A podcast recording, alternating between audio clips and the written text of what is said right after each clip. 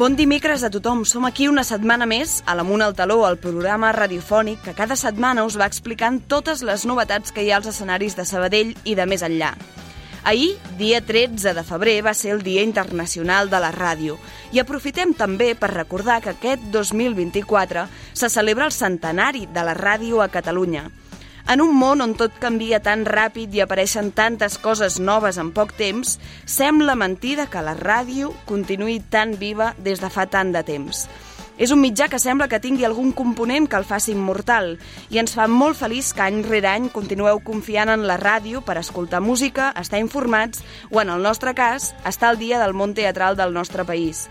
I com deia Marshall McLuhan, filòsof canadenc i sociòleg de la comunicació, la ràdio afecta la gent d'una forma molt íntima, de tu a tu, i ofereix tot un món de comunicació silenciosa entre el locutor i l'oient. A nosaltres només ens queda desitjar que el futur sigui igual o millor que el que ha tingut fins ara la ràdio. Abans de començar, vull agrair la feina a les persones que han permès que el programa d'avui sigui possible. Laura Lozano, la producció, Toni González, el control tècnic, el nostre col·laborador Jaume Pont, a les nostres col·laboradores més fidels Júlia Stals i Elvira Frank i també a les convidades d'avui. Ara sí, moment de repassar els continguts del programa. Amunt al taló. Com sempre, començarem repassant quines ofertes teatrals ompliran els teatres aquest cap de setmana amb la Júlia Stals. Elisabet Sardà, Salut Vila i Enric Company visitaran l'estudi per parlar sobre Sopar de Panteres, el nou espectacle de l'Acadèmia de Belles Arts. El nostre col·laborador Jaume Pont torna amb la seva secció Entre talers i talons parlant sobre els petits teatres i els grups de teatre de Sabadell. Acabarem amb Teatre de Franc, on l'Alvira parlarà eh, de Purificats, del Teatre Tantarantana, d'Elling a la Villarroel i de Tot fent Pigmalió a la Sala Versus Glòries. Doncs ara sí, després de saber què ens espera en aquest programa, aixequem el taló. Els dimecres al vespre, amunt al taló. A Ràdio Sabadell. La platea indiscreta. Som-hi, doncs, agendes a punt i preparats per saber tot el que tenim a la ciutat aquest cap de setmana. I per això hem de donar la benvinguda a la Júlia Stals. Bon vespre, Júlia. Bon vespre, Carlota. Doncs sí, aquesta setmana la cartellera teatral sabadellenca presenta diverses oportunitats. Comencem afirmant que la joventut de la faràndula continua desplaçant-se al Teatre Poliorama per representar la Blancaneus i els set nans. Això diumenge a les 12 del migdia, fins al 25 de febrer. Per tant, encara tenim temps per anar-hi, però ja hem d'anar comprant les entrades perquè si no el temps passa volant.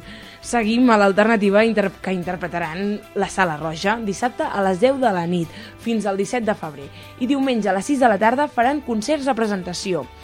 Continuem al Teatre Principal que representaran N'importe quoi diumenge a les 6 de la tarda. I acabem a l'Espai Agura, que tenen en cartell Joc de Dames aquest divendres a dos quarts de nou de la nit i dissabte a les 8 del vespre interpretaran Carmen. Com sempre, recordem que es pot trobar gran part de l'oferta cultural de la ciutat a l'aplicació Sincronitzats, disponible a iOS i Android i a la web de Sabell Cultura. Doncs fins aquí la platea indiscreta d'avui i bona setmana! Moltes gràcies, Júlia, per tenir-nos al dia una setmana més sobre les propostes teatrals que tenim a la ciutat aquest cap de setmana. Fins la setmana vinent.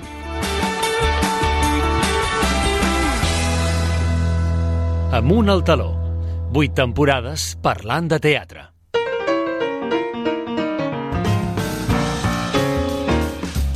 L'entrevista. Un retrobament, una infància compartida i quasi 30 anys separades. Sopar de Panteres porta a l'escenari la història d'un retrobament d'antigues alumnes d'una escola religiosa que després d'aquests gairebé 30 anys sense veure's compartiran una estona records, suposo, experiències viscudes i aquest camí que han estat separades. Doncs si teniu ganes de descobrir amb què es convertirà aquesta trobada, des del 16 de febrer fins al 17 de març podreu descobrir-ho a l'Auditori de l'Acadèmia de Belles Arts de Sabadell.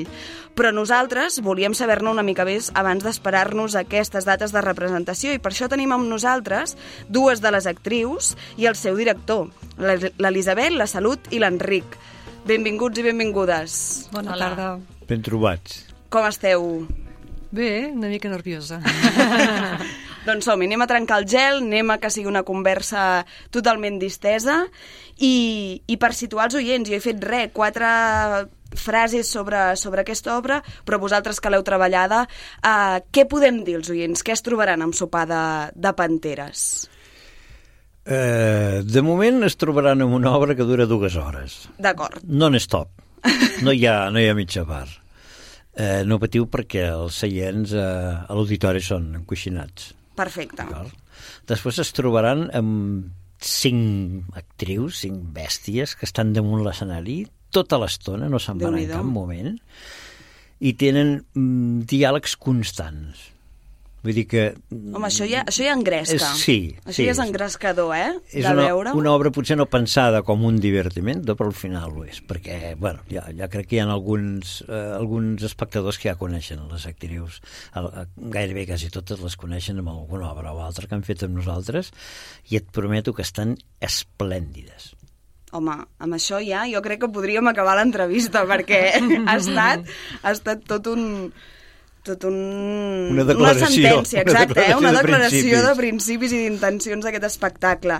Doncs anem als inicis d'aquest espectacle. Com sorgeix, com us arriba la proposta, qui la té, aquesta idea, per què aquest text...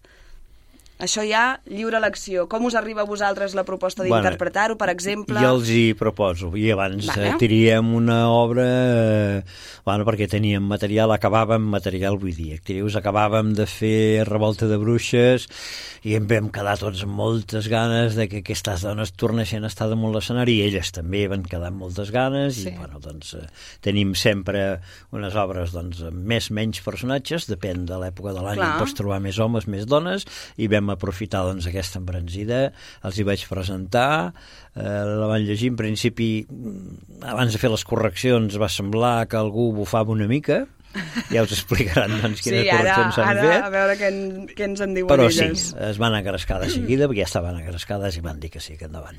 És xulo això de que sempre un projecte, no? quan s'acaba un projecte que et queda com aquell buit, a vegades sempre és com el Sí. ressorgiment perquè en comenci, en comenci un altre. Sí, molt com ho veu rebre aquesta proposta, vosaltres dues? La veritat és que molt bé, perquè estàvem allà encantats, com diu, sortíem molt encantades de lo que havíem fet i tornar a estar juntes amb una altra obra era una cosa que ens feia moltíssima il·lusió. A més, hi ha molt bon rotllo i ens portem molt bé i, i llavors bueno, ens va fer molta gràcia. El que diu l'Enric, quan va aterrar i vam començar amb les lectures, clar, aquesta obra es va escriure als 70 i pico i hi havia coses que quedaven molt desfasades avui Sí, en avui dia. en dia grinyolen. Sí, bastant. Bueno, està bé que també es detecti Sí. això. Sí, no, i a més està molt bé perquè nosaltres, clar, vam protestar al principi, llavors l'Enric ens acceptava algunes coses, altres no, però després al, llarg, al, al llarg dels assajos ell ha, anat- ell ha anat també, s'ha continuat polint i al final ha quedat una obra que jo penso que està totalment actualitzada.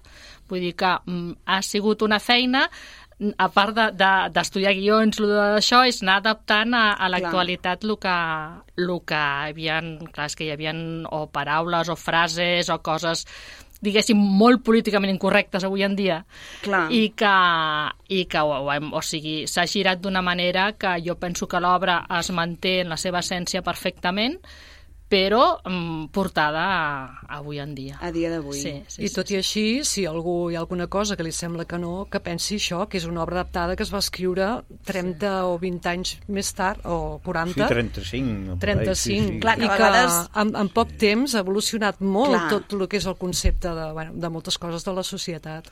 I que és, és, que, es- és que es ve, hi ha coses eh, que diu que es veuen, malament, es veuen fa 30 i pico d'anys malament i ara és absolutament el contrari. Exacte. Clar. O sigui, pensem, mm. això diu que grinyolen, no? Que quan les vam llegir ens miràvem tots i vam dir, hola, Ostres. què, què, què vol dir?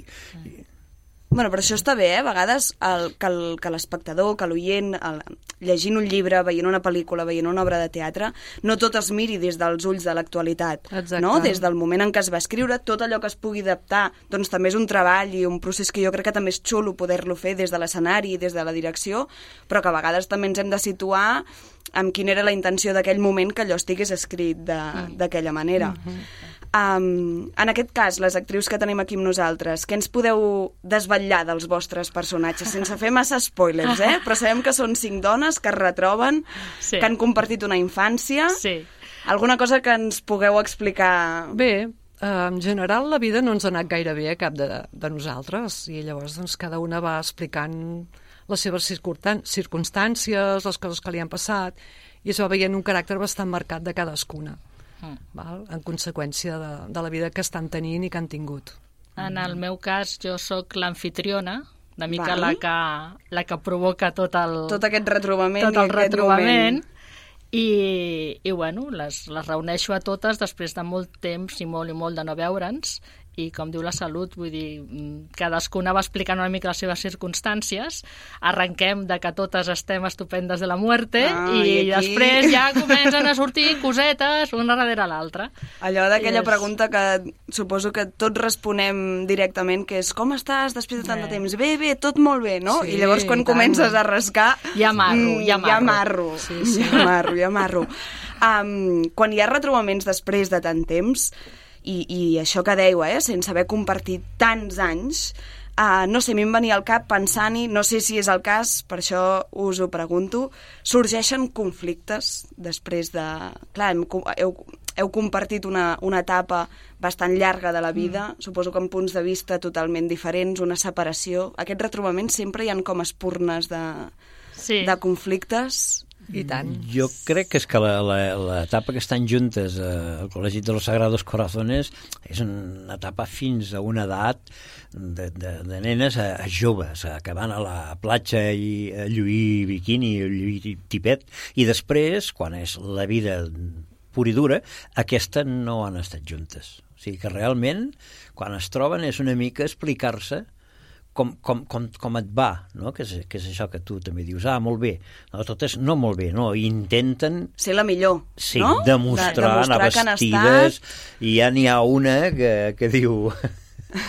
Salut diu, perquè tothom parla dels vestits, oi, noies, no, no els ha anat tan, i no els ha anat tan malament. I a la Salut, això sí que això és un spoiler petitó, és un spoiler. Sí. És, un spoiler. És aquell que, que dona ganes de saber més, li ja diu, està. diu, Sota un modelet de marca pot haver-hi parracs. Home, clar, clar.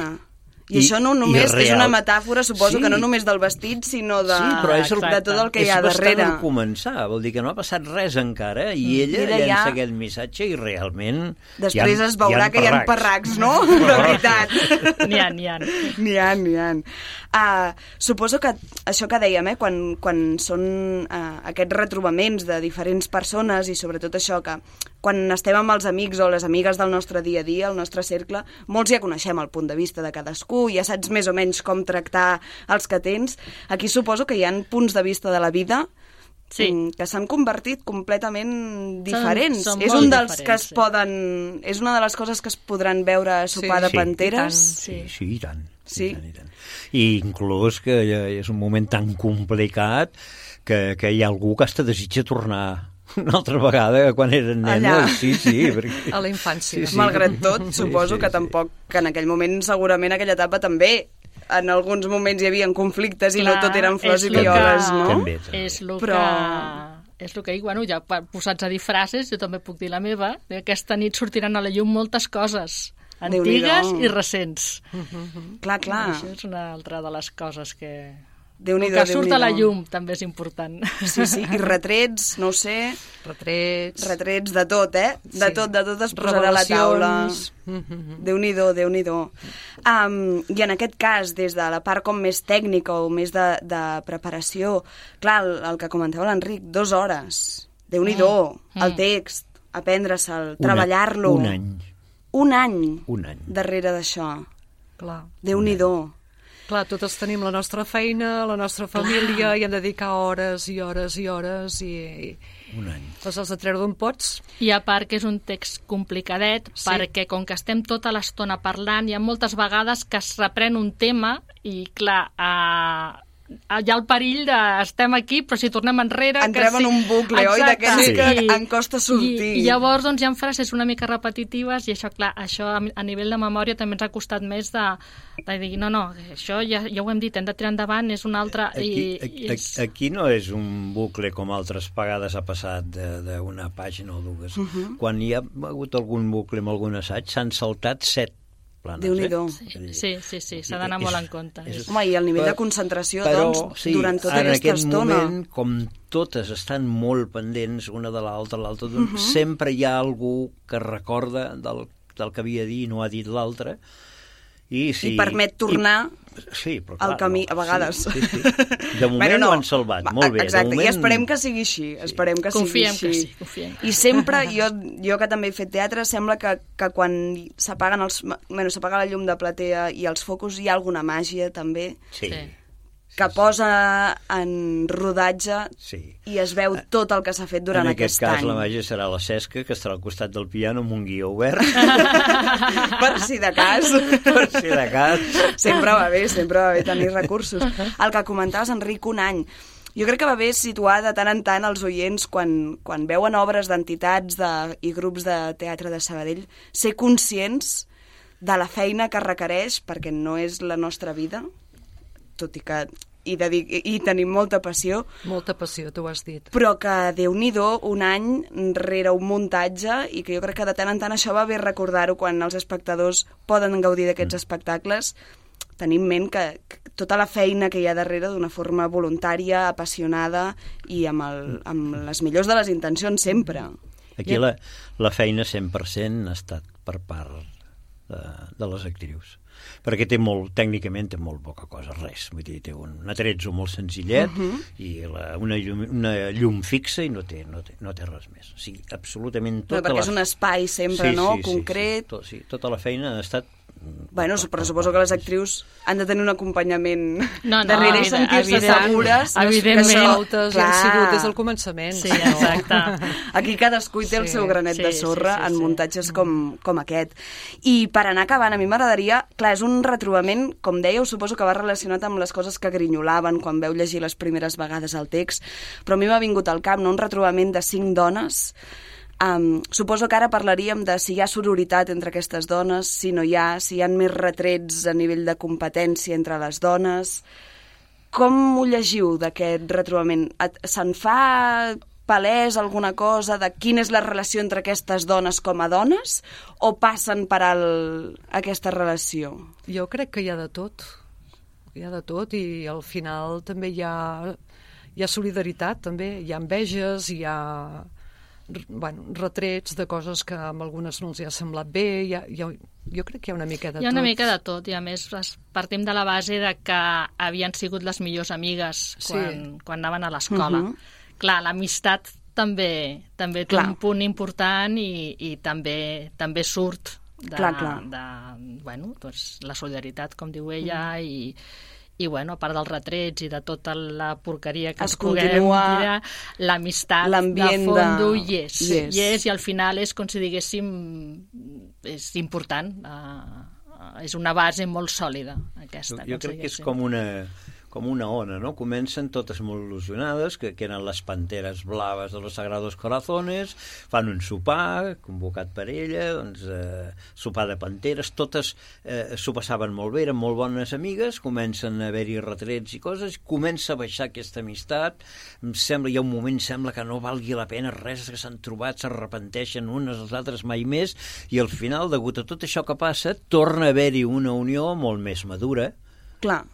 I al final acaba Bueno, a aquesta vegades unió... jo crec que totes les sí. relacions necessiten com aquest trencament, bueno, Sí. trencament, no? Aquesta Sí. crisi o, o dir-se les coses Sí, perquè llavors es construeixi, com és deies, d'una base és com més una sòlida. mica trencar l'amistat de nenes Per construir l'amistat de dones. de dones. És una miqueta així. Que com- xulo, com que interessant, que interessant. Mm. Doncs se'ns acaba el temps per ara, però uh, podreu veure l'Elisabet, la Salut, la Imma, la Roser i la Tami, uh, com hem dit, des del 16 de febrer fins al 17 de març, conduïdes per l'Enric, en aquest cas, a sopar de panteres a l'acadèmia, i si no m'equivoco, les reserves de les entrades les poden fer directament dirigint-se a l'acadèmia. Sí, sí, sí. Perfecte. Doncs des d'aquí molta merda per l'estrena Mm, i gràcies. que vagin molt bé les representacions i que doni fruit aquest any de treball que segur que segur que el donarà. Moltes Molt- gràcies. Moltíssimes Gràcies. gràcies. A vosaltres. Que vagi bé. Amunt al taló.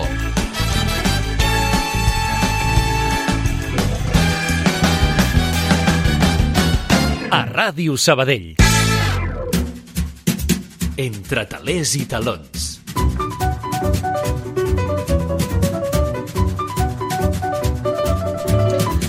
Doncs ara ens toca viatjar en el temps i per això tenim amb nosaltres el nostre col·laborador que a través d'alguns edificis o grups de la ciutat ens trasllada a diferents moments de la història del teatre sabadellenc.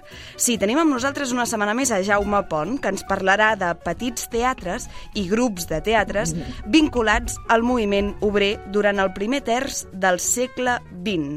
Bon vespre, Jaume, com estàs? Què tal? Bon vespre, bon vespre Carlota, bon vespre oients. Doncs molt bé, aquí, amb ganes Com va aquesta d'explicar-vos... recerca?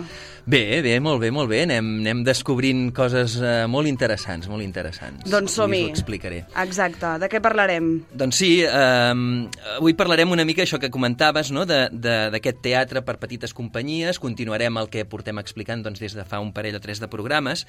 I, però abans de començar a entrar en matèria, volia puntualitzar un parell de coses que em van quedar al tinter a la- la- l'anterior Perfecte. programa. I és que eh, volia explicar que en el, vam parlar del Mateu Morral, no sé si recordes, Sí. d'aquest anarquista que doncs, va fer un atemptat eh, Contra contra el rei el rei. Alfons XIII el dia del seu casament Exacte. i que era sabadellenc i que també feia teatre.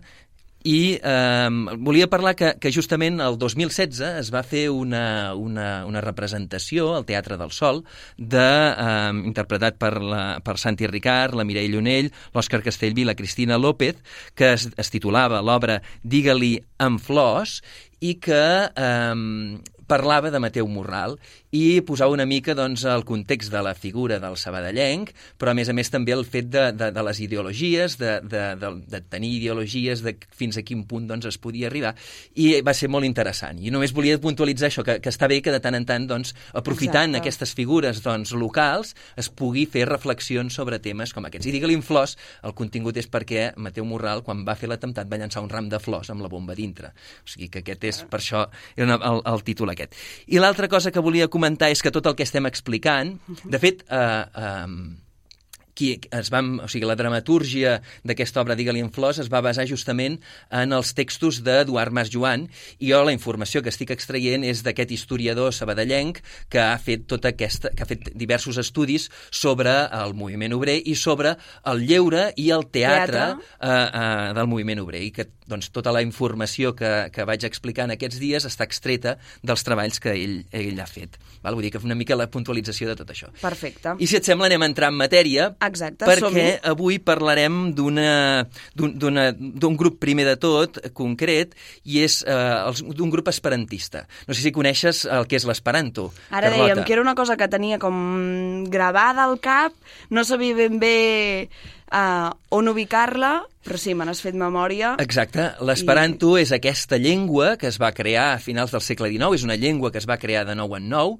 que la va crear una persona que es, que es deia Zamenhof, Ah, et sona? La sí, ronda sí. Zamenhof, eh, que es deia Zamenhof, i que el que pretenia és que amb el concepte d'igualit- d'igualitarisme, de que Mhm. no hi hagués una llengua que predominés respecte a la, les altres, que no hi, no hi hagués una llengua franca que fos pròpia d'una nació i que, per tant, predominés sobre la, la, la resta, com ara passa amb l'anglès, per exemple, doncs que hi hagués una llengua que fos fàcil i que, I que tothom servís... partís Exacte, que tothom tingués la mateix- seva llengua materna i després tingués aquesta altra llengua que fos, que és l'esperanto, comuna, exacte. I, eh, per tant, eh, al, al finals del segle XIX, en ple movi moviment obrer, quan es considerava doncs, que eh, les nacions i els estats era una invenció de la burgesia per dividir la classe treballadora, doncs eh, el fet aquest, eh, dintre del moviment obrer, va calar molt la idea de l'esperantisme perquè era una forma que els treballadors de tot el món, de diferents nacionalitats, es poguessin entendre i, per tant, llugar de, lluitar de manera conjunta contra Exacte. el capitalisme i contra la burgesia. Doncs, eh, doncs això, amb aquest, Sabadell és una ciutat Obrera. pionera, obrera i pionera en aquest sentit de l'esperantisme. Per això, perquè, per exemple, el 1912, quan feia molt pocs anys doncs, que s'havia... Eh, s'havia creat l'esperanto, es va crear, no sé si el 1880 o una cosa així aproximadament, doncs pocs anys doncs, d'haver-se creat, ja Sabadell ja va, ja, ja va posar un nom eh, a la Ronda Zamenhof, a, a, aquesta figura. No? I, doncs, eh, per tant, tot aquest moviment d'esperantista es va crear una associació des de 1905, que era la plec Aplec Esperanta Grupo, Uh -huh. I aquest grup, eh, doncs, entre una de les activitats principals, doncs, una de les activitats, un, una de les, de les branques en què, eh, diguem-ne, va, va, va utilitzar l'esperanto va ser fent teatre. I es va crear un grup de teatre eh, que, que feia esperanto i, de fet, el, el el 1912, per exemple, en vam parlar fa, ja deu fer potser un, un any o dos, eh, que en el, en el bosc de Can Deu, quan, uh Mhm. -huh. perdó, de Can Deu, de Can Feu, quan Can Feu, a part del castell, hi havia tot Hi havia el el- seu entorn, hi havia un, exacte, un, un bosc, bosc. molt esplendorós, doncs en una de les esplanades que hi havia del bosc, en una de les clarianes que hi havia, es va repres que s'hi representava teatre i una de les obres que s'hi va representar va ser en Era Esperanto, exacte, organitzada per, aquest, per la plec Esperanta Grupo, i es va representar l'obra l'obra Misteri de dolor d'Adrià Gual en, en, en, en esperanto. Uh -huh. Val? I realment va tenir molt èxit, va assistir gent de, de, tota, de, tot, de, de, de, vaja, de tota la comarca i de- i d'arreu del país. Uh, aquest, a més a més, també, doncs, vinculant-ho també amb això del Teatre del Sol que dèiem, uh -huh. Uh, on es va acabar instal·lant el, uh, el grup de teatre de l'Esperanta uh, Grupo, de la Pleca Esperanta, uh, va ser justament el, el que després es convertirà en la seu de, el, del precedent del Teatre del Sol. Sol. Uh, resulta que el, el, el març de 1916 eh, van aprofitar un, uh, un local que estava situat en la cantonada de la via Massaguer amb el carrer Garcilaso, que, hi ha, que just davant de, de Correus, a Sí. l'altre costat, a l'altra banda de la vorera de, de Correus, de l'antic Correus, Sí. i eh, en aquells baixos, que ara hi ha un bloc de pisos, com a tants llocs de Sabadell, Exacte. doncs en, allà en, el, en aquell espai d'allà, que en els baixos i fins no fa gaire també hi havia una oficina de la Caixa Catalunya, doncs allà es va crear, van, van adaptar el local interior, van posar un escenari i ho van adequar per poder-hi fer teatre i es va passar a anomenar aquell, aquell espai la Societat Coral L'Americana. Això va ser a partir de 1916 i allà s'hi van anar fent diverses eh, representacions de, de teatre en esperanto també. Uh -huh. Aquest local, ja que per acabar d'explicar-vos una mica la trajectòria d'aquest espai de, de l'Americana, eh, a partir de 1933 doncs va passar a ser, que ho va deixar el, el grup esperantista, va passar a ser eh, la seu del Casal Català d'Esquerres, que era una entitat que eh, formava part d'Esquerra Republicana, i estem a l'època de la Segona República, fins que després de la Guerra Civil, evidentment, doncs Esquerra Republicana va deixar, bueno, es va prohibir, i aquell espai va quedar eh, durant uns anys, durant tres o quatre anys, en tornar de la guerra, va ser cedit a l'orquestra Els Fatxendes, que va estar, vull dir, va, ho va utili- utilitzar per fer doncs, concerts i per fer-hi actuacions. Els Fatxendes, un dia en parlarem de les orquestres de Sabadell, hi ha dues, Sí. dues grans orquestres, hi van haver dues grans orquestres a aquesta època de finals del 19 i principis del 20, que són els Fatxendes i els Moixins. I els Moixins. Alguna vegada l'he citat, però jo crec que algun dia intentaré recopilar informació i intentar explicar una mica sobre aquestes dues, eh, aquestes dues orquestres que una mica rivalitzaven, però van estar funcionant durant molts anys i completaven doncs, quan hi havia una sarsuela, quan hi havia de vegades una òpera o quan hi Exacte. havia algun tipus de teatre musical, doncs ells també, a part de... de Entraven dins l'equip de exacte, entraven dins de l'equip representació. de la representació, exactament. I a partir de 1943, aquí sí que va ser quan eh, va convertir-se en la seu del centre parroquial de la Puríssima. Que el centre parroquial de la Puríssima, més endavant, un dia en parlarem també, es com va convertir en la palestra, en palestra, el grup palestra, el mític grup Exacte, palestra, sí, sí. que després, al cap d'uns anys, acabaria sent els, els seus eh, continuadors, doncs eh, eh, serien el Teatre del Sol. Vol dir que tot aquest vincle de l'americana, aquest espai, aquesta trajectòria, eh? cantonada de la via Massaguer, doncs, um, doncs és això, és, és, uh, uh, va iniciar-se amb els esperantistes, amb, sent, sent la seu del, del grup esperantista. Però és que espera't, perquè els esperantistes no només uh, van actuar en aquest espai de l'americana, uh -huh. sinó que també en un lloc, i, i on vam parlar quan, quan ho vaig comentar, quan, uh, quan vam parlar d'aquell teatre, també van actuar al Teatre Colón, a la Creu Alta, Sí. a la Societat Coral Colón. I a més a més també els esperantistes també tenien, van arribar a crear un grup de teatre infantil, o sigui que Mm, també tenien el seu propi com un taller de teatre que ara Exacte. tenim tan, tan a, a, la, a la joventut de la Faràndia al Teatre Sant Vicenç, doncs els esperantistes també van, van arribar a fer teatre eh, infantil per mirar de que els més joves, ja des de ben petits, comencessin doncs, a aprendre eh, Aquesta aquesta, llengua. llengua. Val. Eh, algú, per citar alguns noms doncs, eh, de- d'esperantistes, la direcció de les obres era eh, per Pere Casanovas i eh, alguns dels, dels, els, dels que actuaven eren Joan Paloma, Antoni San Vicente, Esteve Comas, Lluís Sastre, eh, Marc Graupera, etc. I també amb la part musical s'hi va incorporar Cecília Llobet, que Cecília, Cecília Llobet també era una pianista i, i, um, i va, va col·laborar en la part doncs, a l'hora de, de, de fer les, uh, algunes obres que feien doncs, uh, en música. I, a més a més, també s'hi va incorporar, fixa't que estic... Eh, o sigui, fins ara hem parlat d'homes, però també hi va col·laborar Eulàlia Viladoms, uh -huh. que era la germana de, de, del mestre i també esperantista Jaume Viladoms, Viladoms val? Que, que també doncs, eh, va estar, estava vinculat bastant en el moviment obrer. I doncs tots ells van eh, anar eh, preparant aquestes obres de, en esperanto i també una mica compaginaven de vegades també algunes obres en català. L'esperanto mica en mica va anar perdent força, als anys 30 va anar desactivant i el grup sembla que eh, bé, va anar també. perdent doncs, força.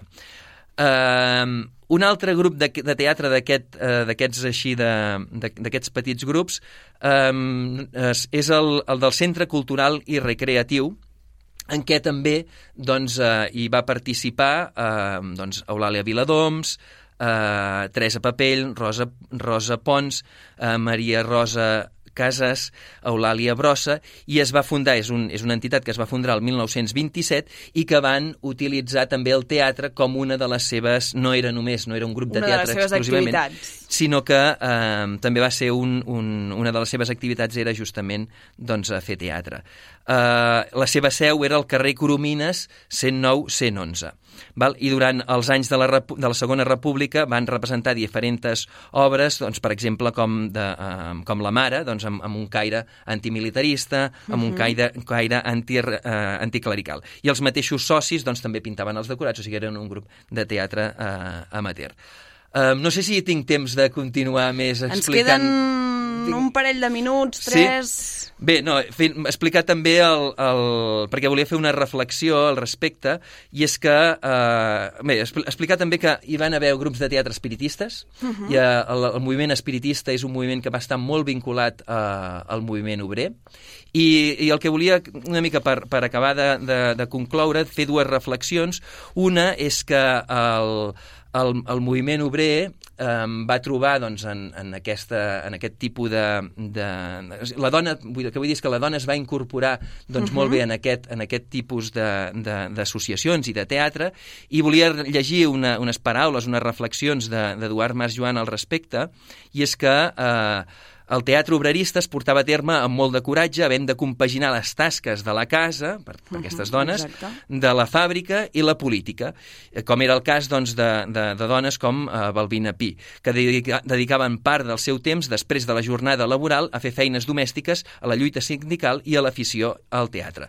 Explico això perquè d'aquí poc, eh, segurament pròximament, ja parlarem del teatre catòlic, que veurem que és un altre tipus que només, o sigui, hi havia una separació de sexes entre eh, homes i dones. I per acabar del tot, l'última reflexió és que eh, amb l'adveniment del franquisme, les classes obreres, es, va, es van prohibir, evidentment, totes aquestes associacions, sí. per tant, les classes obreres perdran definitivament la possibilitat d'expressar la seva sensibilitat cultural fora dels medis catòlics o del règim.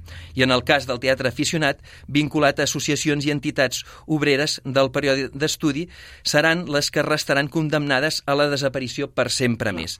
El llegat cultural que aquestes entitats teatrals de Sabadell representen al llarg de mig segle d'existència és un altre exemple de la tragèdia cultural de la classe treballadora de la ciutat. Una ciutat obrera reconeguda arreu com de les més avançades i plurals culturalment i políticament fins a la fi de la Guerra Civil. Volia fer aquesta, aquesta última menció, que, citant directament a l'Eduard Mas Joan, perquè penso que val la pena que, actu... que s'hagi perdut doncs, a totes aquestes entitats amb aquest to doncs, eh, obrer, obrer reivindica aquest reivindicatiu, reivindicatiu, que no sigui només un teatre doncs, per anar-se a esvergir, sinó que hi hagi un rerefons fort al darrere. Déu-n'hi-do, sí. Déu-n'hi-do. Déu-n'hi-do tot, el, tot el material que ens, ha, que ens has portat avui, Jaume, i hem començat aquesta llista pendent, per tant, ens retrobarem aviat per continuar-ne parlant. Moltes gràcies. Gràcies a, a tu, moltes gràcies, un plaer. Els dimecres al vespre, amunt al taló. A Ràdio Sabadell.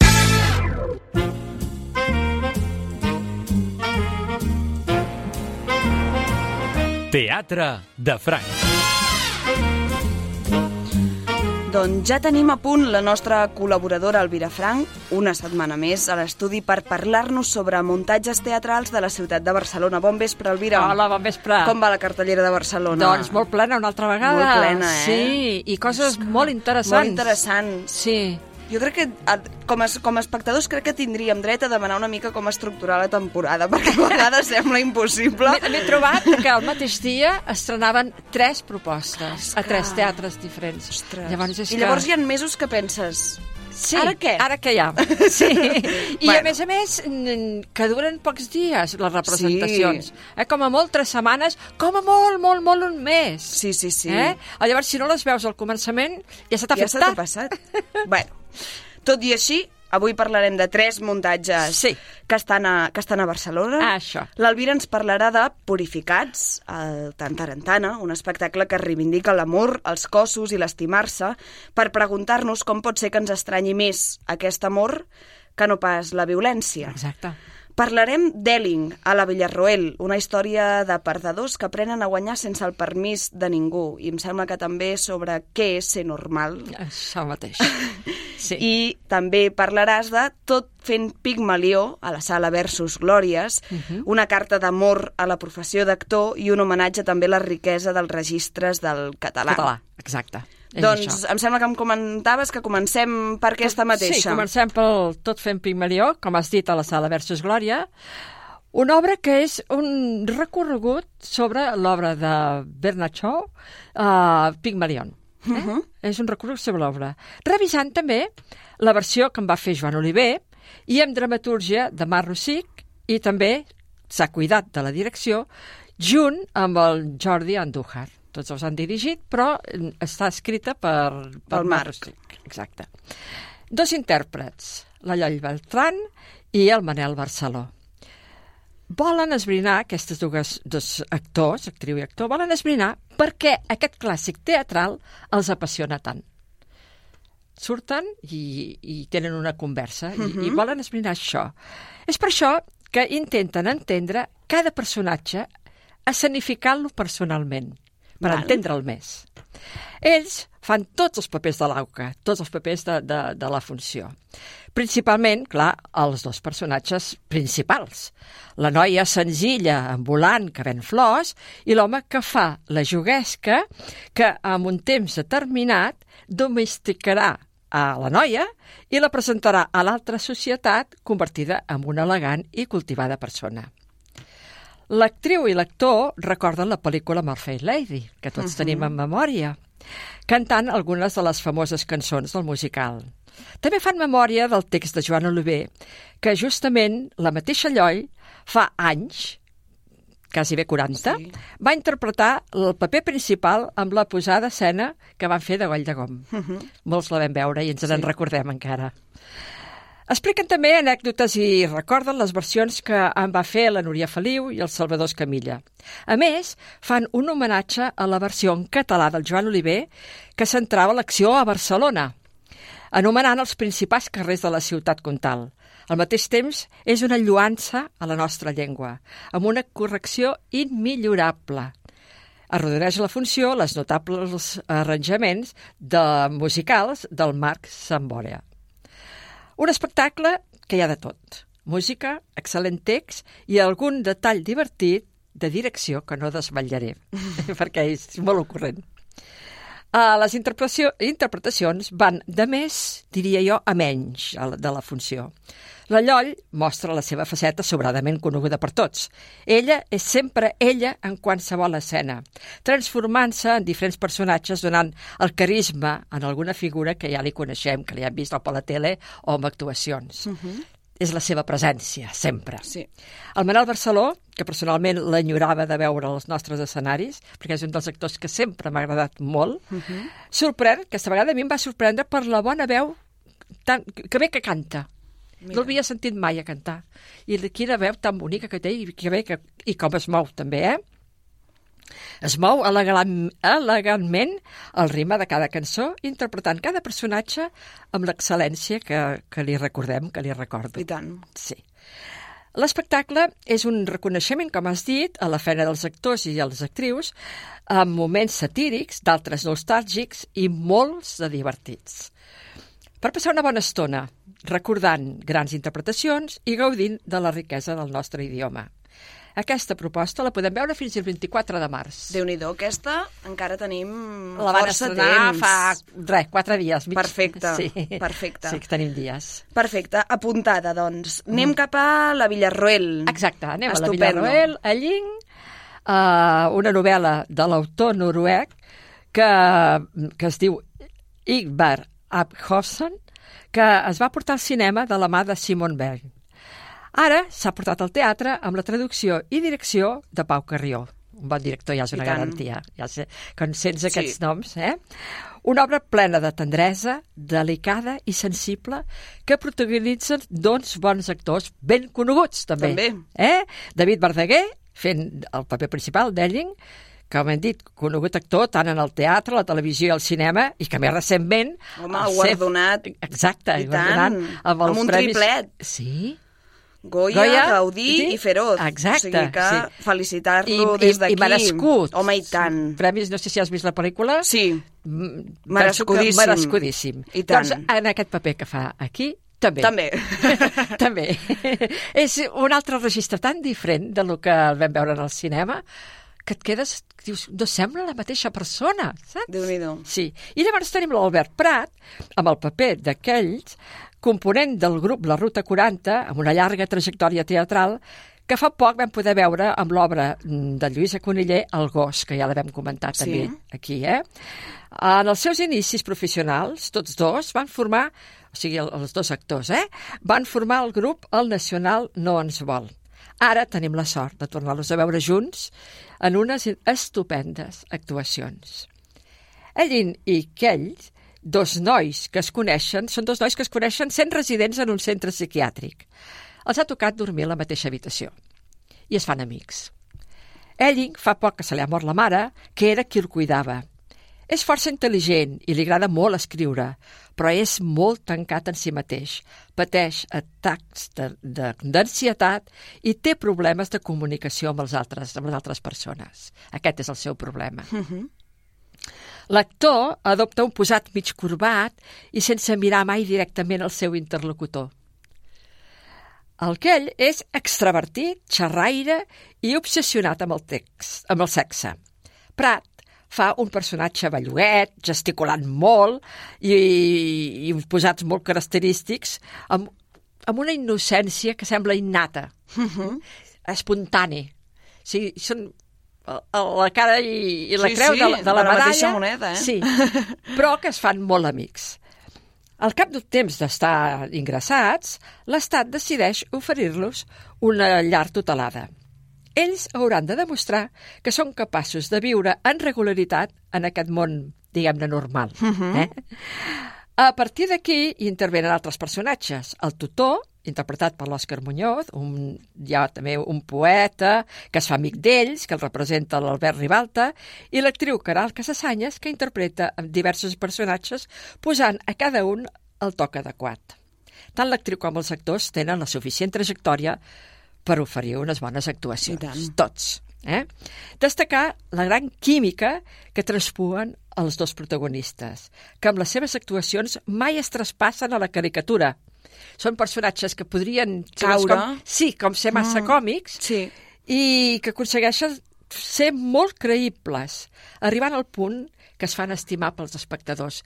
Desprenen una tendresa, uh -huh. sí que hi ha moments que fa riure, però... Però no des de la... No, des, de la lo pallassada. còmic, exacte. Eh, saps?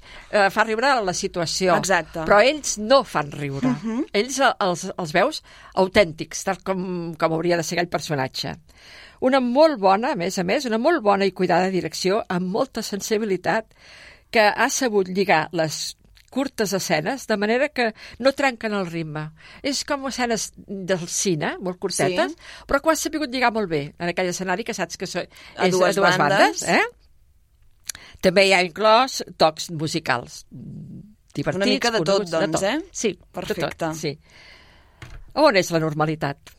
Preguntem-nos-ho. Els que ens considerem normals Ho som, de veritat.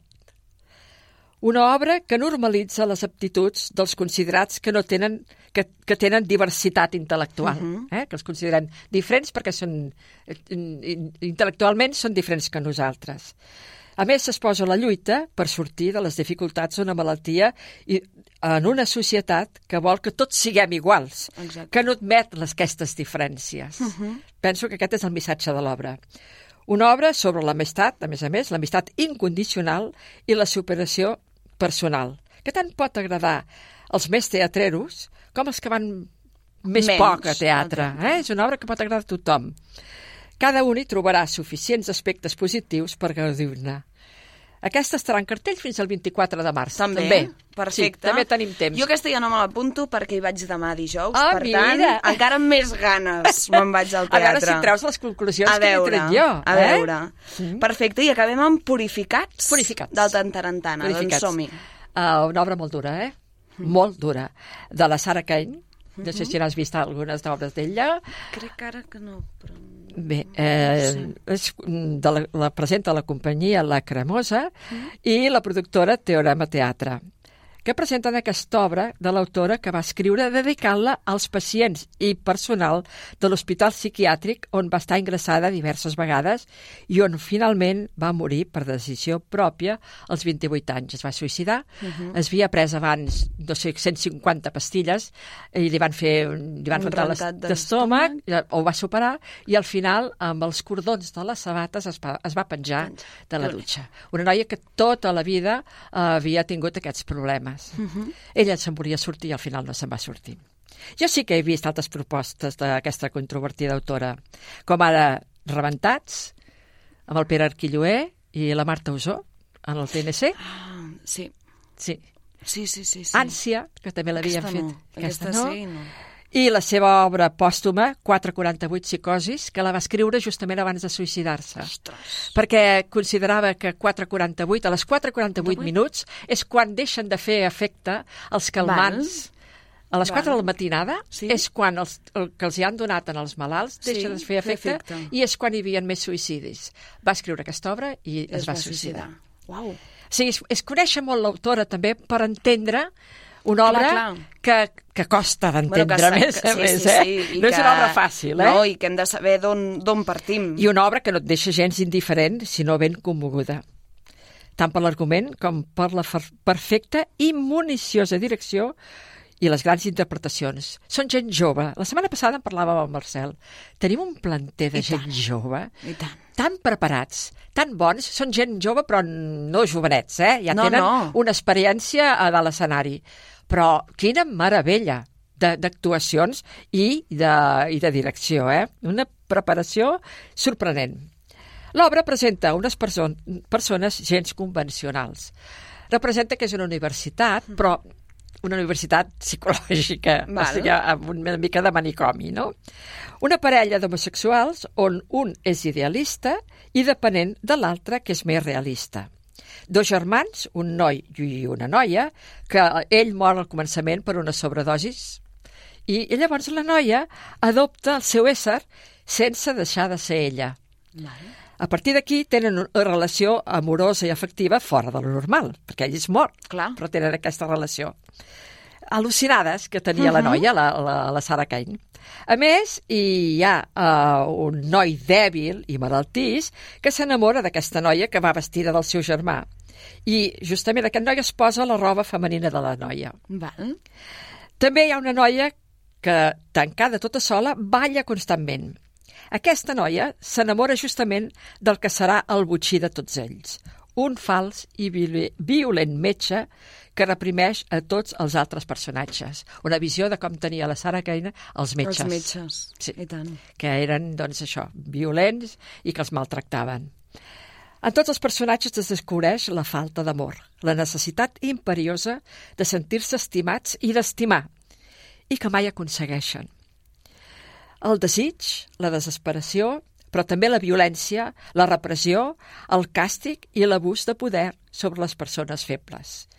La directora Mia Passarisses ha creat una atmosfera entre angoixant i poètica amb uns detalls inimaginables, plens de duresa i de credibilitat. A més, els intèrprets demostren tots els seus dots escènics excel·lentment, tant parlant, cantant i d'expressió corporal.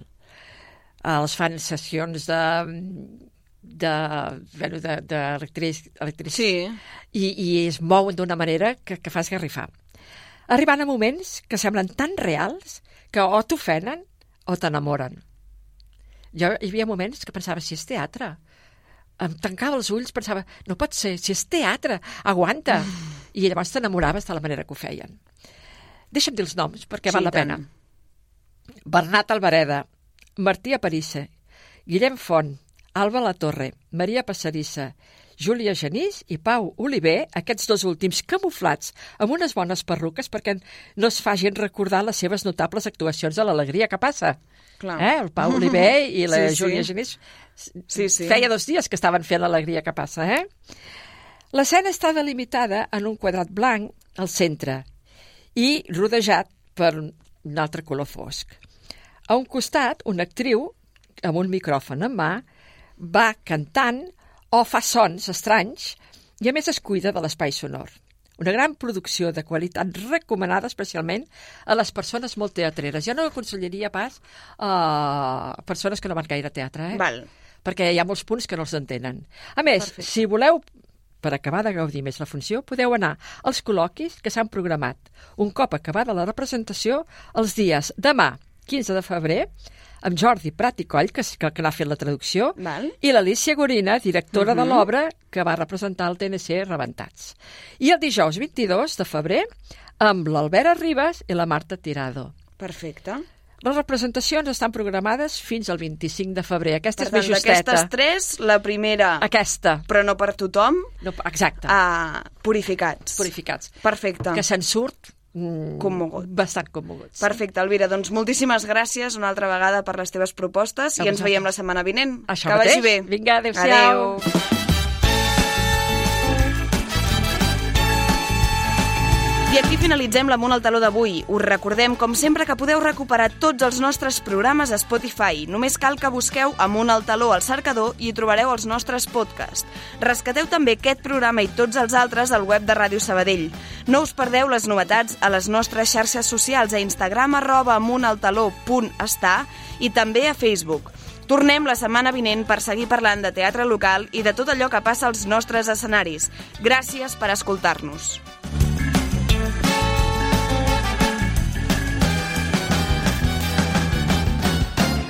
Amunt al taló.